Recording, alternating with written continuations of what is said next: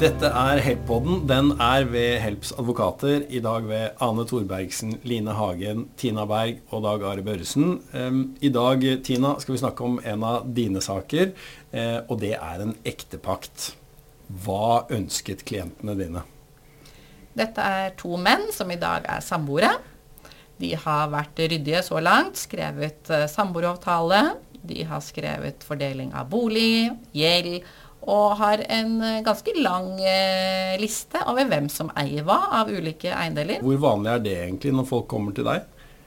Ja, jeg syns jo at det var po positiv start, jeg, på oppdraget. Det er ikke alle som er så flinke til å formalisere samboerforholdene sine gjennom en samboeravtale. Og heller ikke skrive opp de viktigste eiendelene. Så det er flott. De har også testament der de har gjort hverandre til enearvinger. Ja. Uh, er det noe mer vi må vite før du går løs på oppdraget, holdt jeg på å si? De skal gifte seg til sommeren og ønsker uh, ektepakt i den forbindelse. Bestillingen er at de ønsker å videreføre den på en måte separate økonomien som de har i dag, selv når de skal gifte seg. Ja, og Da er det nødvendig å si litt om hva som er vanlig når man går fra å være samboer til å gifte seg, for uh, det er ikke det vanligste. Nei, Det som skjer når man gifter seg, er jo at man får en formuesordning automatisk gjennom ekteskapsloven som heter felleseie. Og det betyr jo at ved opphør av ekteskapet så skal de verdiene man har opparbeidet seg i løpet av ekteskapet, deles likt. Det er hovedregelen. Så at eh, selv om man eier ting eh, hver for seg, så må man dele verdien likt den dagen ekteskapet tar slutt. Mm. Dette har vi snakket om mange ganger i Heltpodden, uh, Ane. At når man er, går fra å være samboer til å bli gift, så endrer formuesordningen seg. Mm. Det, det, gjentar vi veldig ofte. og det er jo en grunn til at vi må gjenta det. For det er jo en del som ikke har fått det med seg, og som sliter litt med å forstå hva en formuesordning er, hvordan det skjer, og, og hva det innebærer. Mm. Og dette er jo litt sånn kroneksempel på, på, hva det innebærer å gå fra samboer til gift, og, og hvordan formuesordningen på en måte fanger deg litt. Hvis du, og hvis du ikke vil fanges i den formuesordningen, så må du gjøre noen grep. Mm. Men uh, Tina, de ville på en måte sånn formues, eh, formuemessig fortsette å være samboere når de gifter seg, disse her da? Ja, på en måte så ønsker de jo det. Eh, de har fortsatt lyst til å verne om sine verdier. Altså de har eh, jobbet og opparbeidet seg ulik grad av verdier, og ønsker ikke å måtte dele det med den andre ved en skilsmisse. Mens ved dødsfall, som jeg nevnte, så har de jo ønsket å tilgodese hverandre fullt ut. Mm. Nå slenger vi, oss, vi rundt oss med noen juridiske begreper som kanskje, kanskje ikke er krystallklare for alle. Eh, ektepakten f.eks. Hva, hva slags form for avtale er det?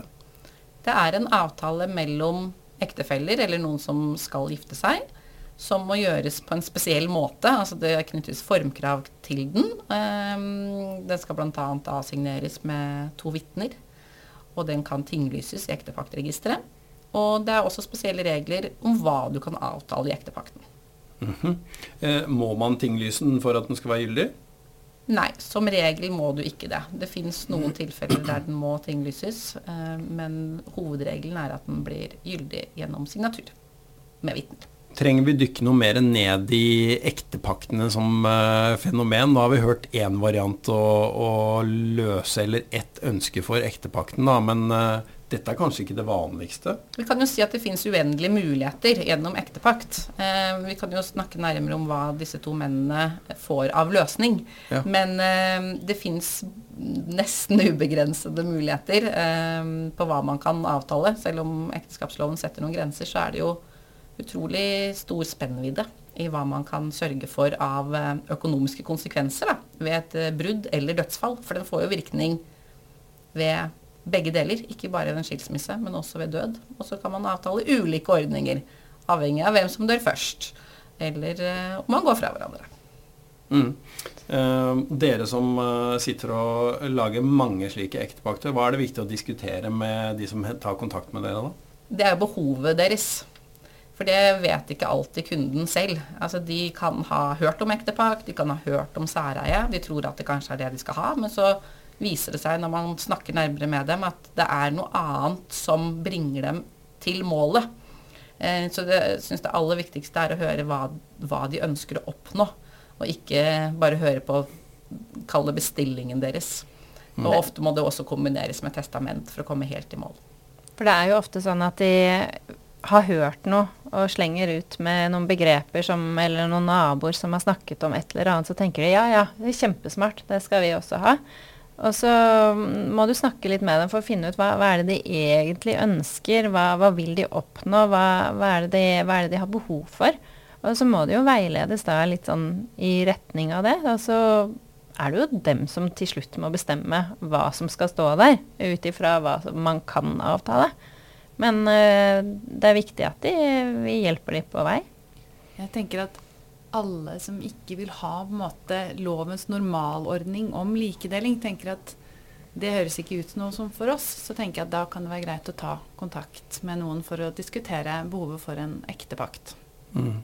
Lovens normalordning det er at verdien av alt man eier, opparbeider seg under eh, ekteskapet. Det skal deles likt hvis eh, Ja, det er hovedregelen. Og så finnes det en del unntak men for å gjøre det enklest mulig, så, så kan man opprette en ektepakt da, som gjør det helt klart. Altså, da er det jo litt sånn at hvis du har den ektepakten der, så slipper du kan jo slippe unna litt problematikk. For da har man jo gjort eh, det man for samboere gjør med samboeravtalen. Det vi gjør jo ektepakten for ektefellene. Så ved et brudd, og ved, enten om det er samlivsbrudd eller dødsfall, så har man på en måte et dokument som sier hvordan skal, denne delingen skal skje. Men uh, du sa at disse her allerede hadde samboeravtale. Og jeg tenker at ja, de som er bevisst på at de vil ha en ektepakt, det er de som allerede har sysakene veldig på stell. Er det riktig, eller? Ikke nødvendigvis. Altså, bestillingene kommer i mange ulike former, og det kan komme både tidlig og sent i ekteskapet. Det er jo noen som på tampen av livet finner ut at de skal ha ektepakt også, men da har det jo gjerne mer med virkningen ved dødsfall å gjøre. At man ønsker også å styre formuen i en retning. Gjerne da til eh, en ny ektefelle på bekostning av tidligere barn, f.eks. Kan man bruke ektepakt til å gjøre. Mm. Eh, det vil si Jeg trodde at eh, det var de samme som har samboeravtale som bestiller ektepakt, inntil du sa at det er ikke alltid at de helt vet hva de vil ha. Så, så når de henvender seg til oss, så er, det ikke, så er de kanskje ikke helt klar over at det er ektepakt som er løsningen? Nei, det stemmer det. Det er mange som tar kontakt og sier de vil ha testament. Uh, og etter nærmere samtale så ser man at det vil bare løse en liten del av det de har behov for. Mm. At man må anbefale dem test, nei, um, ektepakt i tillegg. Og for noen så løses det jo bare ved ektepakt. Og så er det jo noen som tar kontakt fordi de ønsker å overføre og de gir gaver til ektefellen sin. Og de tar eh, kontakt med oss fordi de ønsker å gi en gave. Og de aner ikke at det er noe man må gjøre ved ektepakt. Og da er det jo vi som må lose dem riktig vei gjennom. Mm. Ja, og da er vi litt ved hva kan vi lære av dette. Hvem er det som må ha ektepakt? For det er litt viktig å presisere. Det kan jo være fornuftig å ha ektepakt hvis du har mine og dine og våre barn, fordi at det skaper ryddighet og klare rammer for et oppgjør. Ellers så er det jo, som Linte nevnte i stad, altså de som ikke ønsker å ha lovens normalordning, må ha ektepakt for å kunne avtale seg vekk fra det ekteskapsloven sier. Mm. Så er det det jeg nevnte, at skal du gi en stor gave utenom normal julegave, bursdagsgave, sånne ting, hverdagslige gaver, så mellom ektefeller så må det gjøres ved ektepakt for å være gyldig. Må det da tinglyses i tillegg? Eh, hvis det er snakk om eiendomsoverføringer, så må det tinglyses. Men um, nå har jo du allerede røpet inn at uh, dine klienter i denne saken, det hørtes ut som de eide en god del. Uh, og de ektepaktene som vi hører om i media, det er ofte kjendiser eller uh, folk som man oppfatter har veldig mye. Er, det, er dette noe som angår rike klienter først og fremst? Nei, det vil jeg ikke si.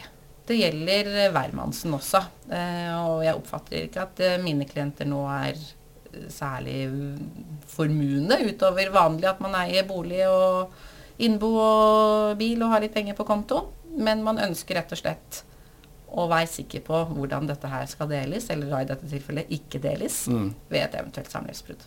Ja, for poenget deres var at de ville ha fullstendig særeie, og det forklarte du ved som om man på en måte fortsetter uh, samboerskapet da, formuesmessig ja, man gjør. Det. Mm. De kan få fortsette sin separate økonomi gjennom å ha fullt særeie. Da blir det ingenting til deling. Så alt de eier når de gifter seg, og som de senere får i arv eller gave, eller som de opparbeider seg gjennom verdistigning på bolig osv., det beholder de selv.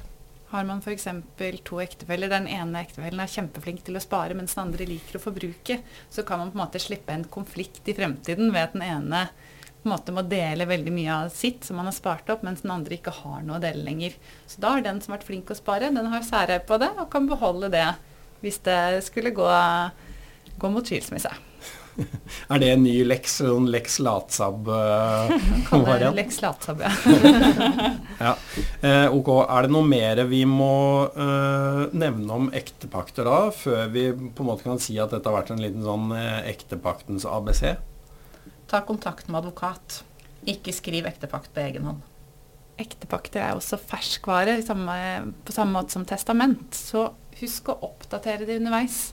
Eh, gjerne etter fem år se på den på nytt. Er det fortsatt gjeldende? Er det noe vi ønsker å endre nå? Er vår formuesutstilling annerledes? Mm.